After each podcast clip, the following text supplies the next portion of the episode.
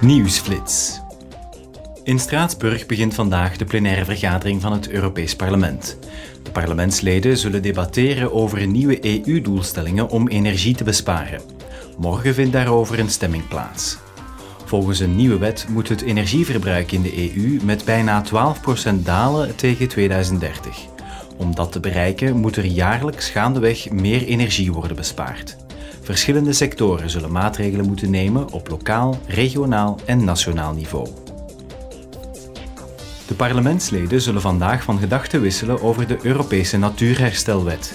In de Milieucommissie was er geen meerderheid voor de wet in haar aangepaste vorm.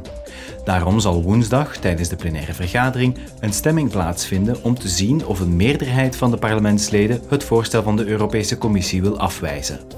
Als dat niet het geval is, zullen ze stemmen over alle voorstellen tot wijziging die fracties of groepen van minstens 36 leden hebben ingediend. De bijzondere commissie COVID-19-pandemie heeft een verslag opgesteld over de gevolgen van de pandemie. In het document wordt beoordeeld hoe doeltreffend de Europese en nationale maatregelen waren. Daarnaast bevat het specifieke voorstellen voor beter crisisbeheer en om de paraatheid voor toekomstige noodsituaties op het vlak van gezondheid te verhogen. Nu woensdag zullen de parlementsleden debatteren en stemmen over deze aanbevelingen.